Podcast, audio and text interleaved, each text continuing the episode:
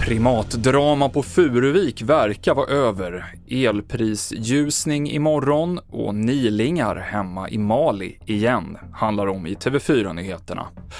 Ja, fem schimpanser rymde i Furuviksparken utanför Gävle idag.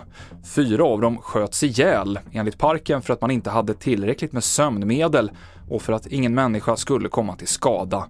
Den femte schimpansen ska på egen hand ha återvänt till hägnet. Tidigare i eftermiddags så pratade vi med Annika Troselius som är informationsansvarig på bolaget som äger parken. Hon sa att man ser allvarligt på det som hänt. Säkerheten är det absolut viktigaste för oss och när det här är, när vi har situationen under kontroll och när det här eh, är över så får vi verkligen eh, se över det här, återkomma hur det kunde hända. Vi kommer självklart att göra en fullständig utredning. Det här ska inte kunna hända. Vi ska ta reda på exakt varför det hände och vidta alla nödvändiga åtgärder för att inget ska kunna hända igen. Det sa Annika Troselius och själva Furuviksparken är stängd för säsongen så det fanns inga gäster inne på området. Det blir en viss lättnad när det gäller elpriserna i Norrland imorgon. Idag kostar det nästan 4,50 per kilowattimme i hela landet. Men imorgon så halveras det i norr enligt prissättningen på elbörsen Nordpol. I den södra halvan av landet så kommer det minska, fast inte med lika mycket.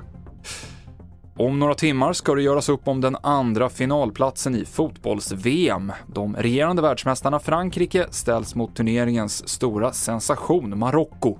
Vinnaren får möta Argentina.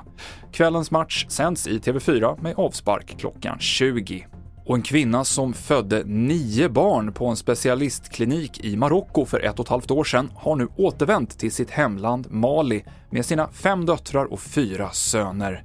Sen förlossningen så har barnen haft tillgång till vårdpersonal från kliniken dygnet runt.